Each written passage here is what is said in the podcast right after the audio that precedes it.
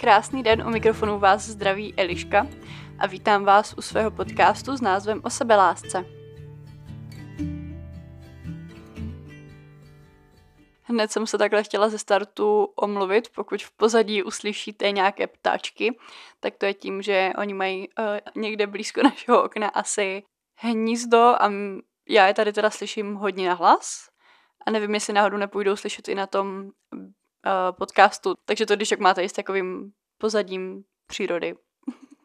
já zase začnu s mojí klasickou úvodní rubrikou, a ve které vždycky říkám, co se mi povedlo, co se mi nepovedlo. Asi bych to měla už nějak pojmenovat, protože to vždycky tak docela dlouho okecávám. Já už jsem to říkala teda v minulém díle, ale já tady tohle vždycky říkám proto, abych se tak jako navnadila na nějakou lepší vlnu při tom povídání, protože ať už si člověk prochází prostě čímkoliv, vždycky je důležité si uvědomit, co se mu povedlo nebo za co je vděčný, projevit tu nějakou vděčnost, protože se potom mnohem lépe prochází nějakýma třeba těžkostma moje věc, která mi dělá vlastně největší radost, nebo to moje, za co jsem vděčná, je teďka především můj manžel. Já nevím, jestli jsem to tady už říkala, nejsem si teďka jistá, ale ono je to pro mě pořád takové jako aktuální téma, že ať už prostě se mi děje cokoliv, tak Lukáš tady prostě vždycky je. Neříkám, že mi pomůže vždycky úplně ze vším tak, jak bych jako doopravdy nejvíc potřebovala, ale kdykoliv potřebuju jet někam natáčet přes noc a není to úplně jeho uh, šálech kávy, nepije kafe, takže ha, ha, ha takový vtipek asi spíš, jak my tomu říkáme plechovka XSu, Není to jeho plechovka XSu. Zůstávat někde přes noc na nějaké party, kterou já natáčím, tak on tam prostě se mnou jede je tam se mnou a dokonce i sám natáčí a prostě ponocuje kvůli mě a, a takovéhle prostě jako detaily. Takže já jsem ohromně vděčná za uh, Lukáše. Jak jste asi podle názvu poznali, tak tenhle díl bude o sociálních sítích a vlastně hlavně jako vlivu sociálních sítí na naši duši, na naši psychiku a obecně prostě na náš život. Sociální sítě jsou pro mě dost důležité téma. Bavili a fascinovali mě už asi od 14. I když mě třeba jako většina nějakých jako trendů minula, anebo ke mně třeba přišla pozdě, takže a vlastně, když se jako podívám na to, co je trend teďka, tak mi to přijde úplně jako absurdní, ale je možné, že třeba za půl roku na to najedu, i když už bude možná pozdě, ale to je jedno, prostě většina trendů mě minula, ale i tak prostě ty sociální sítě miluju a fascinují mě. Podle mě jsou sítě skvělé místa pro inspiraci, pro udržování nějakých mezilidských vztahů a taky pro hledání nových přátel. Ale umět s nimi pracovat tak, aby vám vlastně jako nenarušovali vaši duši nebo vaši sebelásku, vaši cestu sami k, sab- k sobě, je trošku říšek. Proto celý tenhle díl bude v duchu toho, jaké, jaký mají vliv sociální sítě na, váš, na vaši duši, na vaši míru sebelásky a tak dále. Začnu hodně pozitivně a to je, jaké všechny výhody mají sociální sítě. Protože začít hned s tím, jak je to zlo, tak to bych se zařadila do takové té škatulky těch lidí, kteří nadávají na sociální sítě, což nechci. Já miluju sociální sítě. Já vím, že to zní jako fakt divně, ale já, mě, mě to prostě fascinuje.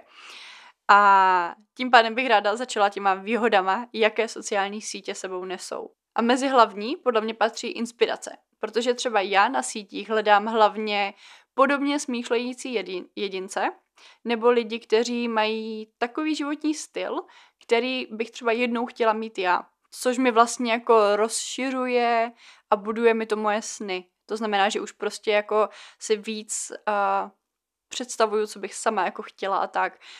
A uh, je to teďka hodně jako jednoduché vlastně díky těm sítím. Ať už jde o místa, kam chcete cestovat, nebo domy, ve kterých byste chtěli bydlet, nebo cokoliv takového, tak je to důležité budovat. Je důležité vědět a objevovat třeba nové místa, věci, nové sny prostě. A to pro mě ty sociální sítě představují.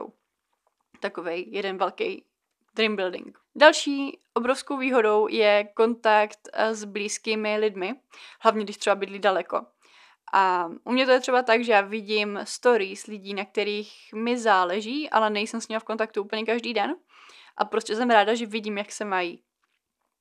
A potom je třeba potkám a hned jako cítím, že se s nima o tom můžu pokecat, že jako jsem viděla, že někde byli a hned mám nějaké téma, že potom to netrvá tak dlouho, nějaký ledoborec prostě. Třeba i když se seznamuju s někým novým, což je vlastně další věc. Že já jsem se seznámila s několika vlastně novýma lidma díky Instagramu. Já mám několik takových, jako jak já říkám v úvozovkách, virtuálních kamarádek, které jsem teda nikdy nepotkala, většinu z nich, ale je fajn si s nimi prostě napsat, vidět, jak oni rostou jako osobnosti, nebo jako třeba že mají svatbu a pak dítě a tak. A mě to baví prostě tu jejich cestu pozorovat. A s některými tady těmihle lidmi jsem se už i osobně potkala. Vlastně s Aďou, se kterou jsme začali tenhle podcast, tak jsme se seznámili na Instagramu. Stejně jako s jedním z mých skvělých kamarádů uh, Vojta, Možná budete vědět, to je jedno. Prostě spousta lidí, které jsem potkala přes Instagram, a už jsem se s nima potkala i osobně, tak s, ním, s nima mám skvělý vztah. Nebo mi to hodně pomáhá, když už se seznámím s někým na třeba v hospodě, to je jedno, tak potom se mi líbí, že se najdeme třeba na těch sociálních sítích a jsme propojeni tam a vlastně mi to pomůže trošku si o tom člověku, člověku něco zjistit, jak vlastně žije a potom, když se znovu vidíme, tak jak říkám, ten ledoborec je prostě mnohem jednodušší, protože už jako víme zhruba ty témata, které bychom o tom druhém třeba mohli začít rozebírat a můžeme se dostat blíž k těm hlubším tématům, které mě víc baví, než kde byl kdo na dovolené třeba. Další velkou výhodou sociálních sítí je, že to je dobrý nástroj pro marketing. To znamená, když máte třeba firmu nebo chcete propagovat něco, co děláte, tak ty sociální sítě jsou úplně skvělé, protože asi by bylo divné, kdybyste chodili po ulici a s transparentem kupte si moje tričko, ale když to děláte na, těch sítích, tak to vůbec není trapné, vůbec to není divné a je to prostě uh, taková jako jak bych to řekla, takový virtu, taková virtuální tržnice a já, mě vždycky tržnice fascinovaly a stejně asi jako ty sítě, takže pro, podle mě je to skvělý uh, marketingový nástroj. Můžete si tam budovat vlastní značku, lidi jako ví, kdo vy jste a pak si třeba od vás i chcou ty věci, které vy děláte koupit, ať už něco prodáváte nebo máte třeba kadeřnictví. Další velkou výhodou je, že když sledujete pozitivní věci, tak na vás to má pozitivní vliv, prostě vás to nabíjí. To trošku souvisí s tím prvním bodem, s tou inspirací. A taky na sítích hledáme spoustu informací, třeba jako já, hlavně na sítích hledám třeba recepty, nějaké DIY nápady, hledám, hledáme tam prostě nějaké třeba jako osobnostně rozvojové věci, tak bych to jako řekla, já sama sleduju jako ohromné množství stránek, které se zaměřují na osobnostní rozvoj, na psychologii. To teda především sleduju přímo z Instagramu sebelásky, abych se mi v tom nedělal zmatek. Ale uh, to přesně si myslím, že jsou obrovské výhody sociálních sítí. Samozřejmě tyhle všechny výhody se ale můžou překlopit uh, v nevýhody nebo dost jako negativní věci, ale k těm se dostanu až později. Teď bych ale ráda nakousla to, proč vlastně mají sítě takový vliv na naše sebevědomí, na naše, na naši sebelásku, prostě obecně na naši duši, na nás jako lidi. A to je hlavně to, kolik času trávíme na těch sítích. Kdyby jsme toho času netrávili tolik na těch sítích, tak možná by to nemělo takový dopad. Já jsem udělala takový malý osobní research, prostě jsem dávala anketu na svůj Instagram, kde jsem se ptala mých sledujících, kolik tráví času na své oblíbené síti. Dala jsem tam na výběr z několika sítí, myslím, že tam byl Facebook, TikTok, Instagram a YouTube a pak ještě připište něco dalšího, protože tam se vejdou jenom čtyři možnosti. A samozřejmě nejoblíbenější síť byla Instagram, protože to bylo na Instagramu, kdybych to dala na TikTok, tak asi lidi hlasují pro TikTok a hlasovali mi tam lidé, průměrně uh, zůstávají na té svojí oblíbené síti jedna až tři hodiny za den. Což je zhruba i můj průměr, tak ty dvě hodiny. Říkám to tady především proto, abyste si představili a uvědomili, kolik času ma- mají sociální sítě vliv na vaši duši za ten den. To znamená, že kdo pracuje třeba 8 hodin, tak pro něho jsou ty dvě hodiny čtvrtina jeho pracovního času. Kdo jste slyšeli předchozí podcast, nebo teda ten ještě předtím, tak si možná pamatujete, že jsem tam mluvila o pravidlu 888, který byl v knížce Inspirace Baťa. Já jsem tam dávala typy na knížky a zmiňovala jsem tady tohle pravidlo. Tak kdybyste se jim řídili a trávíte 8 hodin spánku, spánkem, 8 hodin v práci, tak vám zbývá 8 hodin na váš osobní život. A teď si představte, že ty dvě hodiny trávíte na sociálních sítích. Tak najednou máte už jenom 6 hodin. A za těch 6 hodin byste měli stihnout třeba holky nebo chlapy, to je jedno, prostě kdokoliv, uklidit si doma, kdybyste si měli jako sebe rozvíjet v nějakých jako činnostech, kdybyste si třeba mohli věnovat svým koníčkům, nebo sportovat. Já jako nevím, co lidi dělají, jako jinak já většinou pracuju, i když mám v úzovkách volno, nebo dělám třeba tady ty sociální sítě a tak. Akorát je taky rozdíl, pokud se tomu někdo věnuje, jakože tam něco tvoří, a je rozdíl, pokud to někdo má jako vyloženě konzument. To znamená, že jako v průměru dvě hodiny sedí na sítích a kouká na videa a fotky, storíčka, cokoliv, na, na co vlastně koukají ti lidi. A je prostě rozdíl, když to někdo dělá, protože na tom tvoří, a je rozdíl, když to má jako konzument. Spíš jako když jste jako konzumenti, tak se vám děje to, že to na vás má takový velký dopad.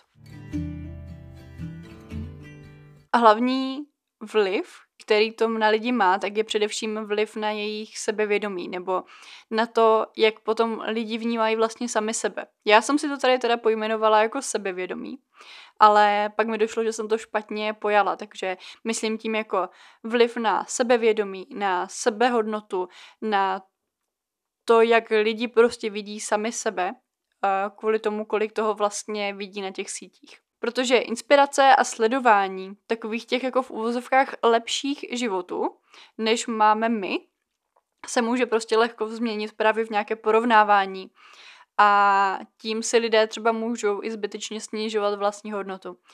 Já to dělám taky, protože často se mi stává, že vidím někoho, kdo je třeba na tom podobně jako já, myslím třeba věkem, že je té holce stejně jako mě, nebo že pochází ze stejných poměrů jako já, nebo něco prostě, stačí, když najdu jednu podobnost a už řeším právě to, že ona to měla lehčí, protože byla hubená, protože byla modelka a už jako začínám hledat ty důvody, proč ona to měla jednodušší.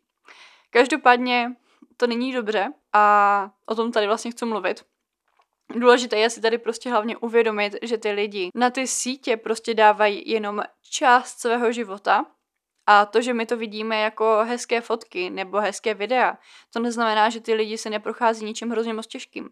A často se stává, že i ti lidi to na ty sítě třeba dávají, i to těžké, ale přesto tam nechcou dávat úplně všechno jako to těžké. A potom to prostě vypadá tak, že my si myslíme, že ti lidi mají ideální život, ale ti lidi tam prostě ty věci nechcou dávat. Ne proto, že by třeba chtěli působit líp, než jací jsou, což samozřejmě každý chce vypadat nejlíp před ostatníma, ale třeba jenom nechcou, aby někdo něco komentoval, protože je to pro ně moc intimní záležitost, nebo moc osobní, nebo se za to prostě doopravdy stydí.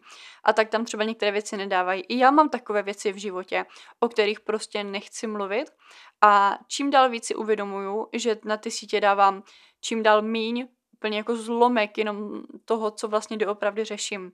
A proto jsem ráda třeba i, že tady v tom podcastu o tom můžu trochu otevřeněji mluvit, protože k tomu mám mnohem víc prostoru, než třeba na tom YouTube, nebo tak já to vnímám teda. Nebo by to třeba se jich na to ptali a řešili to a ten člověk, i když by to sám jako řekl ostatním rád, tak ale nechce potom snášet ty keci těch ostatních. Já jsem si všimla jednoho takového trendu, Možná se mnou budete souhlasit, možná ne. Já to tady teďka budu trošku podávat jako fakt, ale uh, berte to spíš jako to, čeho jsem si já všimla. Nevím, jestli s tím budete souhlasit. Ale vypozorovala jsem poslední roky, že máme tady takovej trošku jako trend toho, když je něco jako ideální a potom za trend, kdy všichni chcou všechno jako hrozně moc real. Přijde mi, že je vždycky taková vlna, že všichni mají rádi, když je všechno jako vyumělkované, když je všechno tak jako dokonalé, a třeba dejme tomu, když si nějaká holka fotí na svůj Instagram fotky jenom od fotografa, sdílí jenom fotky od fotografa, nebo sdílí prostě jenom takové to prostě pěkné, že ani jako nedá nikdy nic bez filtru a snaží se prostě vypadat opravdu co nejlíp a působit nejlíp. A hodně lidí k tomu zhlíží, protože jim se líbí to, že to je trošičku něco jiného, než oni vlastně jako znají. Přijde jim to jako jejich takový jako lepší život, uh, jak bych to řekla, já teď se v tom malinko plácám, to se omlouvám. Prostě lidi chtějí vzhlížet k tomu ideálu a líbí se jim to. Jenomže potom se může stát to, že třeba, jak se stalo během covidu, byla taková jako životní situace, že všichni byli zavření doma, většina lidí nemohla cestovat a potom, když už někdo jako byl jakože v situaci, že byl třeba někde u moře nebo něco, tak byli lidi, kteří byli z toho negativně naladění a vadilo jim, že někdo jako ukazuje něco, co je podle nich nereálné a začali chtít vidět prostě tu realitu. Oni chtěli vidět, jak ty lidi leží doma na gauči a dělají to samé, co oni a chtěli vidět tu realitu tady tohodle. Jenomže potom se zase stalo to, že už té reality všichni měli dost a potřebovali zase někam unikat a nejhorší je, že už neměli kam, protože najednou všichni byli moc real. A zas prostě ta vlna začala jako vzrůstat na to, že lidi, kteří chtěli ten ideál, tak jako zjistili třeba, že ty jejich celebrity nebo influenceři prostě nejsou vlastně tak zajímaví lidi, nebo že jim to pořád nepřijde do real a tak začali zase jako vyhledávat ty vyumělkované lidi, nebo lidi, kteří, ne, nechci říkat vy, vyumělkované, ale prostě lidi, kteří ukazují jenom to hezké, jenom, jenom ten ideální stav.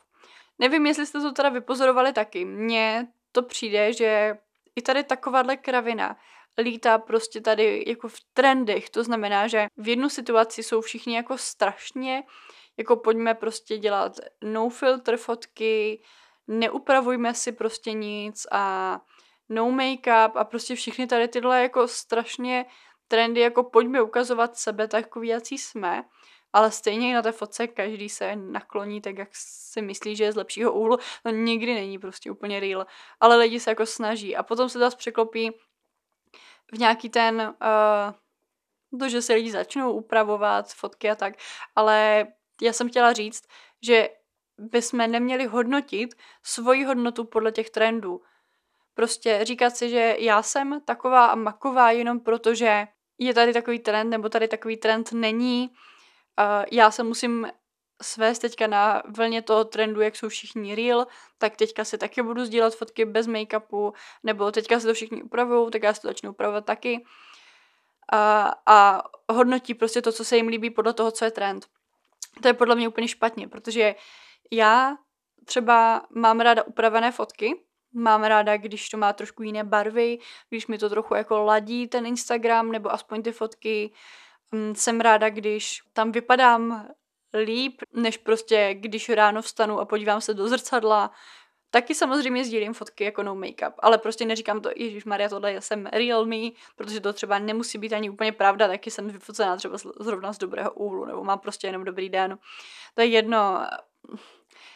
Prostě neměli by lidi hodnotit svoji hodnotu podle toho, co vidí u ostatních. No a taky, ještě jedna poslední důležitá věc tady k tomuhle, je, že lidi by neměli za mě někoho komentovat, jestli je dost real nebo není. Lidi by absolutně neměli komentovat, jestli je tohle skutečný člověk nebo to není skutečný člověk, protože každý hraje ve svém životě nějakou roli. Vy se taky nechováte stejně ke svým rodičům a ke svým kamarádkám. Stejně jako uh, rodič se nechová stejně ke svým kamarádkám jako ke svému dítěti. Když někdo učí ve škole a potom má kamarády, tak se nechová ke svým kamarádům stejně jako učitel, jako ke svým žákům ve škole. Doufám, že mi chápete. A tím pádem je to normální, že se lidi na sítích chovají malinko jinak, než ve skutečnosti.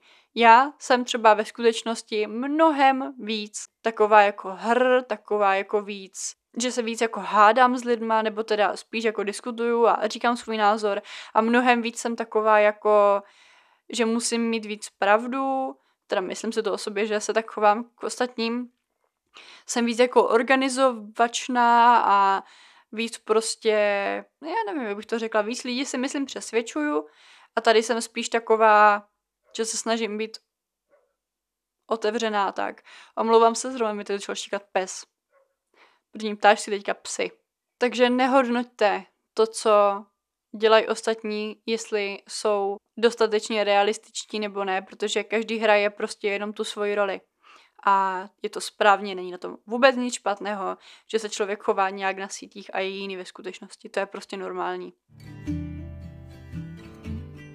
Aby jsme se malinko posunuli dál, tak bych ještě hrozně ráda mluvila o takové jako králičí noře uh, algoritmu. O tom jste možná už slyšeli, protože už se o tom začíná mluvit a je to dobře. A říkala jsem si, že kdybyste o tom neslyšeli, tak vám to řeknu ještě i já. A taky ten vliv toho algoritmu. Je to vlastně další věc, kvůli čemu uh, mají sociální sítě takový vliv na naši duši. A to je ten algoritmus. Čím víc času a pozornosti trávíte nad určitým tématem na těch sítích, tím víc se vám bude ukazovat, protože samozřejmě ty sítě vás tam chcou udržet co nejdéle, protože taky vidíte víc reklam, oni z toho mají víc peněz. Takže sítě vás chcou co nejdéle udržet na nějakém tématu, eh, na, na, sami na sobě, proto vám ukazují témata, které vás statisticky nejvíc baví. Tím se může stát, že třeba získáte ale i milný pohled na svět, protože pokud trávíte na sítích více jak tři nebo čtyři hodiny denně, což jako, pane bože, to je strašně moc, tak tam trávíte prostě většinu svého volného času jen na těch sítích a přijímáte informace jen z toho jednoho jediného média.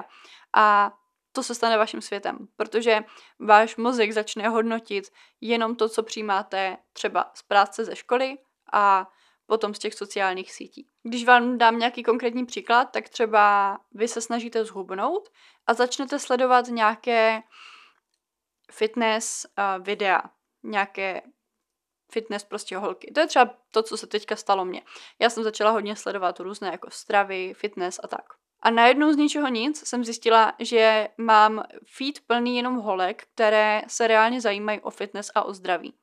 Dřív jsem tam měla hodně různé jako vztahy a lifestyleové účty, ale teďka se mi mnohem víc ukazují všechny ty, které jsem sledovala i předtím, akorát jsem se tomu nějak jako nějak jsem neřešila, že oni zrovna propagují fitness, ale prostě teď je to tam všude. A může se vám stát, že tím, že vidíte pořád jenom ty hezké, vysportované těla a jenom to, jak někdo má prostě pořád jako zdravé jídla a všechno, tak vy můžete začít mít jako takový ten pohled na ten svět takový, že tohle je vlastně normální. Že vlastně všichni vypadají jak modelky od Victoria's Secret, že jsou prostě všichni na bušanci a že vy jste divní. Protože ještě když jste v té fázi, že, se jako, že chcete zhubnout, tak asi jako nejste spokojení se svým tělem a tím pádem to má jako, to může mít vliv prostě na tu vaši psychiku. Už si můžete říkat, že to není vlastně v pořádku, už si můžete říkat, že to, že vy nejste v pořádku a už to může mít vliv na to, že vy začnete sami sebe schazovat. Protože žijete jenom v tom jednom světě, v tom fitness světě. Protože pokud uh, to ještě navíc berete vážně, tak chodíte několikrát týdně do fitka, tam vidíte to samé. Potom jdete na sítě, tam vidíte zase to samé a žijete jenom v té fitness bublině a myslíte si, že všichni jsou takový. A přitom nejsou. Takže ten algoritmus vám může zajistit to, že máte zkreslený pohled prostě na ten svět. To se vám může dít i podvědomně. To si ani nemusíte uvědomit. Jenom to je prostě to, když na tom na těch sítích trávíte moc času. Nemusí to být jenom o hubnutí. Můžete třeba začít mít pocit, že je svět hodně násilný, protože se třeba extrémně hodně zajímáte o true crime a máte ho prostě všude, tak je prostě možné, že začnete mít pocit, že svět je prostě jenom násilnický a jenom zlý a nic jiného. Nebo třeba naopak, jak jsem už říkala, moc ideální, anebo za zpátky, když to řeknu tak moc negativní, že všichni jsou prostě blbci a celý internet je plný jenom kontroverzních lidí a že všichni kteří dělají sociální sítě, tak jsou vymaštěnci a jenom chcou pozornost. To prostě záleží, co vysledujete. A pak se třeba může stát, že vy jako zjistíte, nebo máte pocit, že vy tomu světu vlastně nerozumíte, že vy jako nechápete, proč ten svět funguje tak, jak funguje. Jak to, že všechno je takové? Ale to je právě to. Není to všechno takové. To je jenom to, v jaké bublině vy vlastně žijete. Já třeba tady tohle vidím i u Lukáše. On sice tráví čas na jiné síti nebo na něčem jiném, teda vlastně si to jenom myslím. A já to vidím, protože on je buď v práci, nebo potom doma a má těch světů jako málo vlastně a já se nedivím, že potom často jako říká, že to vlastně nechápe. A já jsem si to všimla u tolika lidí, kteří prostě nechápou, co se tady v tomhle světě děje, ale oni žijou jenom v té bublině, ne v celém světě. A nejsou v pořádku ve své hlavě, ve své bublině. A tím pádem prostě jasně, že nebudou chápat ten celý svět, když žijou v bublině. Protože žijou ve špatné bublině. Já doufám, že mi rozumíte. Modelový příklad tohohle je třeba začátek situace na Ukrajině před tím rokem a něco. Nikde na sítích nebylo nic jiného, než tady ta celá situace. Protože logicky, jo, lidi hledali informace a ty informace lidi poslední pár let hledají prostě vyložení na sociálních sítích. A to znamená, že to bylo všude. Lidi tím, že to hledali, tak se to lidem ukazovalo a taky protože se o tom hodně mluvilo a sdílelo a byly informace a všecko, tak ten, kdo opravdu na těch sítích tráví hodně času, třeba dejme tomu ty čtyři hodiny denně, tak měl až potom pocit, že se válčí u něho v obyváku. Já si pamatuju, když jsem v té době byla sama doma, zrovna, mi pár dní jenom, ale já jsem byla v takové řiti, já jsem jako pořád neměla pocit, že by se mě to mělo dotknout, ale já jsem najednou měla strach ze všeho. A to jsem jako na těch sítích nebyla tak moc, ale pamatuju si, že to na mě mělo takový dopad. Dokonce si pamatuju, jak jedna influencerka, která nikdy takové věci jsem si jako nevšimla, že by řešila, tak najednou z ničeho nic prostě říká, že se z toho složila. A že prostě jako nechápe, co se děje. A tohle prostě prosím vás, vážení umí sociální sítě. A tohle prostě umí králičí nora algoritmu proto je třeba jako dobré koukat na ty věci z jiného pohledu nebo uh, hledat jiné věci, ne, nesoustředit se jenom na jedno téma na těch sociálních sítích, protože pak do té nory můžete spadnout. A nebo brát informace i od jinut, nejenom z těch sociálních sítí. A to samé samozřejmě se stalo i během covidu. To je ale úplně modelový příklad, to je úplně to samé, prostě bylo to všude. Všichni tím byli prostě masírovaní a ty sítě tomu vůbec nepomáhaly. Takže uh, toť kraličí nora algoritmu. Když už jsem se teda jako tak naladila na tu negativní vlnu, tak v ní budu ještě chvilku pokračovat. A to jsou právě všechny ty negativní dopady. Samozřejmě, jak jsem říkala na začátku, uh, jsou to výhody, které se v podstatě jenom překlopí v negativní dopady, když tam trávíte moc času a neumíte třeba pracovat se svým duševním zdravím. Ale já ty negativní dopady vezmu trošku uh, v rychlosti, ať se co nejdřív dostaneme k tomu řešení a ať už vás tady tak nedeptám, protože třeba já se teďka z toho cítím trošku jako nesvá, protože jsem nevěděla, že tak dlouho budu mluvit o tolika, tolik negativních věcech. Tak jdeme na to. První negativní dopad je omezení kontaktu s ostatními lidmi, protože bereme to pořád tak, že tam trávíte třeba tři, čtyři, čtyři a více hodin. Ztrácíme díky tomu základní komunikační schopnosti můžeme mít právě i zkreslený pohled na svět, protože se nesetkáváme s dalšíma lidma a jak jsem říkala, to je právě díky tomu algoritmu, ale taky tím, že se nesetkáváme s dalšíma lidmi, neslyšíme jiné názory, tak můžeme mít zkreslený pohled na svět. Může dokonce vzniknout i sociální fobie, protože uh, už neumíme s těma lidma komunikovat a nejsme na ně zvyklí na sítích je navíc víc jako té toxicity a těch hejtů oproti běžnému světu. To je proto, protože lidi si víc stěžují online než offline. A ty komentáře prostě ubližují. Lidé mají potřebu prostě říkat ten svůj názor, protože je nikdo nepřeruší, když to píšou jako chat. A prostě jsou na tom internetu borci. Takže proto, proto píšou věci, které by ti do očí prostě neřekly. A na tomhle je nejhorší to, že lidi vlastně hodnotí svoji hodnotu, chápeme se, a na základě právě počtu kladných a negativních komentářů. Ale tohle je psycho. Lidi prostě, jim můžete napsat třeba 10 dobrých pozitivních zpráv a stejně ho nejvíc razí ten jeden negativní komentář.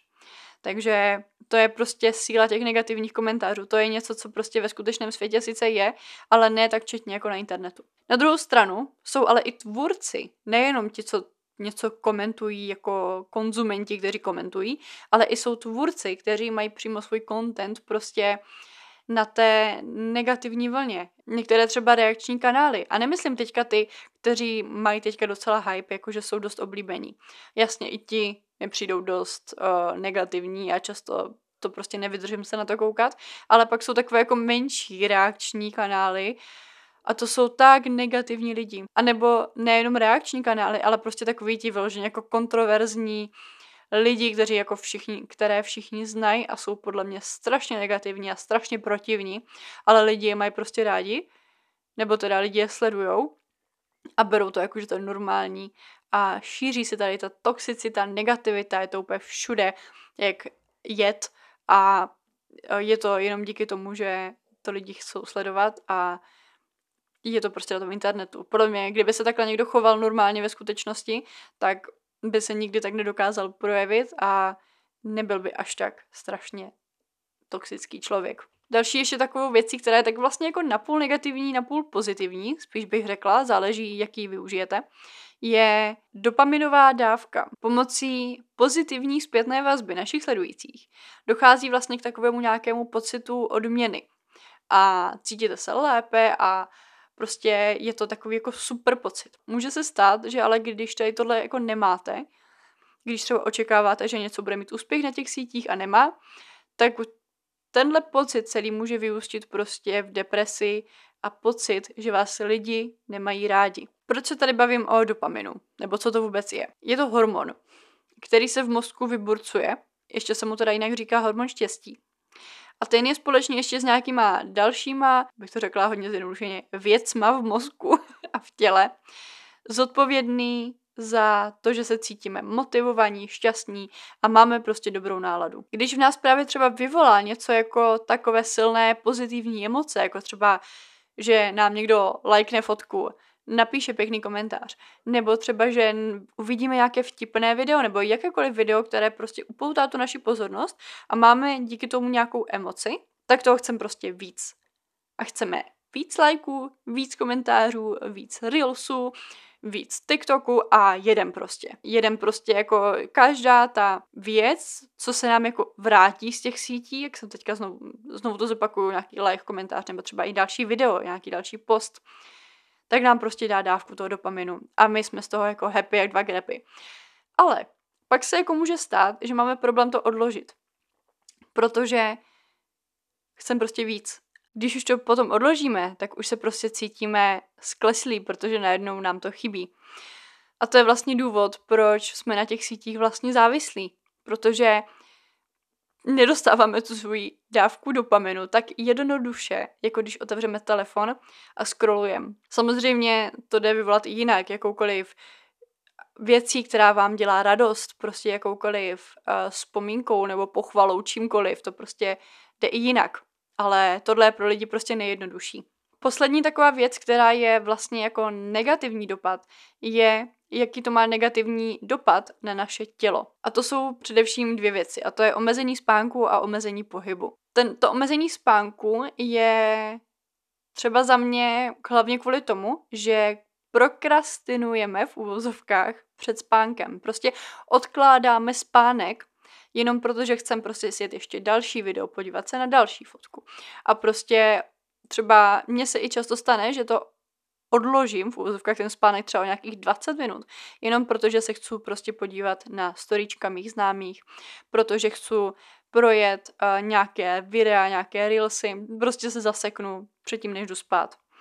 Tam potom hraje právě roli i to, nejenom, že se vám posune spánek, ale taky ho máte méně kvalitní, protože uh, možná už jste slyšeli, že modré světlo má negativní vliv na váš spánek. To znamená, že čím dále nebo čím víc se prostě před spaním díváte do nějakého modrého světla, tak ten mozek si pořád myslí, že jako je světlo. A tím pádem uh, mu trvá déle, než začne tvořit uh, melatonin, což je vlastně hormon spánku, a ten se tvoří právě až když je tma. A to modré světlo prostě omezuje tu tvorbu toho melatoninu. Nedostatek spánku má hromadu, hromadu negativních účinků na tělo. A mimo jiné zapříčinuje i emoční stres, což je takový ten stres, který si jako uh, tvoříme sami, prostě z vlastních emocí, což dává logiku. Nevím, jak bych to tady správně vysvětlila, spíš si to asi zkuste najít sami, co znamená emoční stres. A to je hlavně kvůli tomu, že ve spánku totiž zpracováváme emoce. A když máte kvalitní spánek a správně dlouhý spánek, to tělo prostě nespracuje správně ty emoce, pokud nemá dostatek spánku. A tím pádem může vznikat právě ten emoční stres, a ten může vést právě třeba i k depresi nebo i k dalším jiným, méně vážným, nepříjemným pocitům jenom. A to vám prostě zbytečně omezuje váš život. A co se týče omezení pohybu, tak pohyb je prostě hodně důležitý, jak pro fyzické, tak duševní zdraví. Tam je jako spoustu věcí, na které už tady nemám prostor vám vlastně říct, ale to je snad jako všem jasné a taky je vám snad jasné, jako proč sociální sítě omezují náš pohyb. Protože když sedíme a scrollujeme, tak toho pohybu máme prostě mnohem méně, než když jsme v nějakém pohybu. A ať už jde o cílený běh, cvičení, nebo jenom to, že se jdeme projít, nebo i třeba to, že uklízíme. To je pořád taky pohyb. Tak, konečně se můžeme vrhnout na nějaké řešení celé téhle situace. Protože jsem si říkala, že pokud budu řešit něco takového negativního v tom podcastu, tak vždycky dám na konci nějaké řešení, které, aby to nebylo jenom stěžování, jakože sítě jsou špatné. Takže základní věc, omezení času u obrazovky, hlavně teda na těch sítích. To můžete skombi- skorigovat prostě jakkoliv. Prostě si můžete nastavit uh, omezení obrazovky na danou síť nebo na danou věc. Já si dokonce dávám omezení obrazovky i po 21. hodině, a je pravda, že jako jsem tam prostě něco ještě otevírám a dívám se, ale už to není tak, že bych otevřela všechno, protože bych to musela odblokovávat. Takže asi tak. Já nevím, jak to mají Androidy, Apple to mají. Další věc je najít si aktivitu, která bude na tu vaši v úzovkách prokrastinaci, která vám nahradí ty sítě. Nebo třeba, co vám dá tu dávku toho, té dobré nálady. Třeba nevím, pro někoho to může být hra na hudební nástroj, pro mě to třeba občas je i kytara teda, a nebo čtení nějaké knížky, procházka, nebo nějaká společenská hra s rodinou, nebo trávení času s někým. Prostě najít si něco, co když se vám jako zrovna něco nechce dělat, tak ať nechytáte do ruky hned telefon, ale ať si třeba jdete číst nějakou knížku. Třeba si najděte knížku, která vás bude bavit. A pokud vás nebude bavit, tak zkuste další a pokud vás nebude i ta další, nějakou si najděte, třeba se někoho poptejte, co čte. Já jsem dávala teda typy na knížky, co se týče osobnostního rozvoje, ale pokud se chcete zabavit a třeba nějakým příběhem, tak nějaká beletrie určitě pro vás bude taky. Já třeba uvidím na Harry Potterovi, ale to poslouchám jako audioknihu, protože to mám místo nějakého podkresu v pozadí, poslouchám audioknihu Harry Pottera. Další věc, která vám může pomoct, je striktní rutina. To znamená, že si vyhradíte i konkrétní čas, kdy na těch sítích vlastně budete. Třeba, že si řeknete, ráno budu dělat tohle, tohle, tohle, potom jsem třeba v práci, potom budu dělat tohle, tohle, tohle. A přes celý den prostě ty sítě vůbec neotevřete a řeknete si, tak, teď prostě mám půl hodiny za to půl hodinu projedu všechno, co chci, přidám příspěvky, které chci, nebo si je naplánuju, když chcete něco přidávat, tak to můžete naplánovat. A prostě stačí. Normálně večer dáte si tam storička z toho celého dne, co jste třeba nafotili, potom podíváte se na to, co tam dali vaši známí, projedete nějaké videa, reelsy, dáte si třeba jenom půl hodiny na to a pak už se věnujete zase tomu, co chcete. To by bylo ode mě dneska skoro všechno. Já se s vámi už chci hlavně rozloučit, tak bych vás ráda pozvala na Instagram podcastu o sebelásce, který najdete v popisku tohohle podcastu. Taky budu moc ráda, když tady tenhle podcast budete odebírat. Samozřejmě myslím na platformě, na které mě třeba právě posloucháte, nebo která je vám prostě nejbližší. Jsem vlastně na YouTube, na Apple Podcasts i na Spotify Podcast, takže jsem všude. Do popisku jsem dala zdroje, ze kterých jsem čerpala tady v tomhle podcastu, což je vlastně taková trošku novinka, ale říkala jsem si, abyste to měli trošičku víc uh, odůvodněné, proč některé věci říkám, tak pár jich máte v popisku a já se na vás budu moc těšit u dalšího dílu, který by měl být o lásce, jakože o vztazích, o lásce k ostatním lidem, především o partnerské lásce. Takže se máte rozhodně na co těšit. Já se teda těším. tak se mějte krásně a uslyšíme se u dalšího podcastu. Ahoj!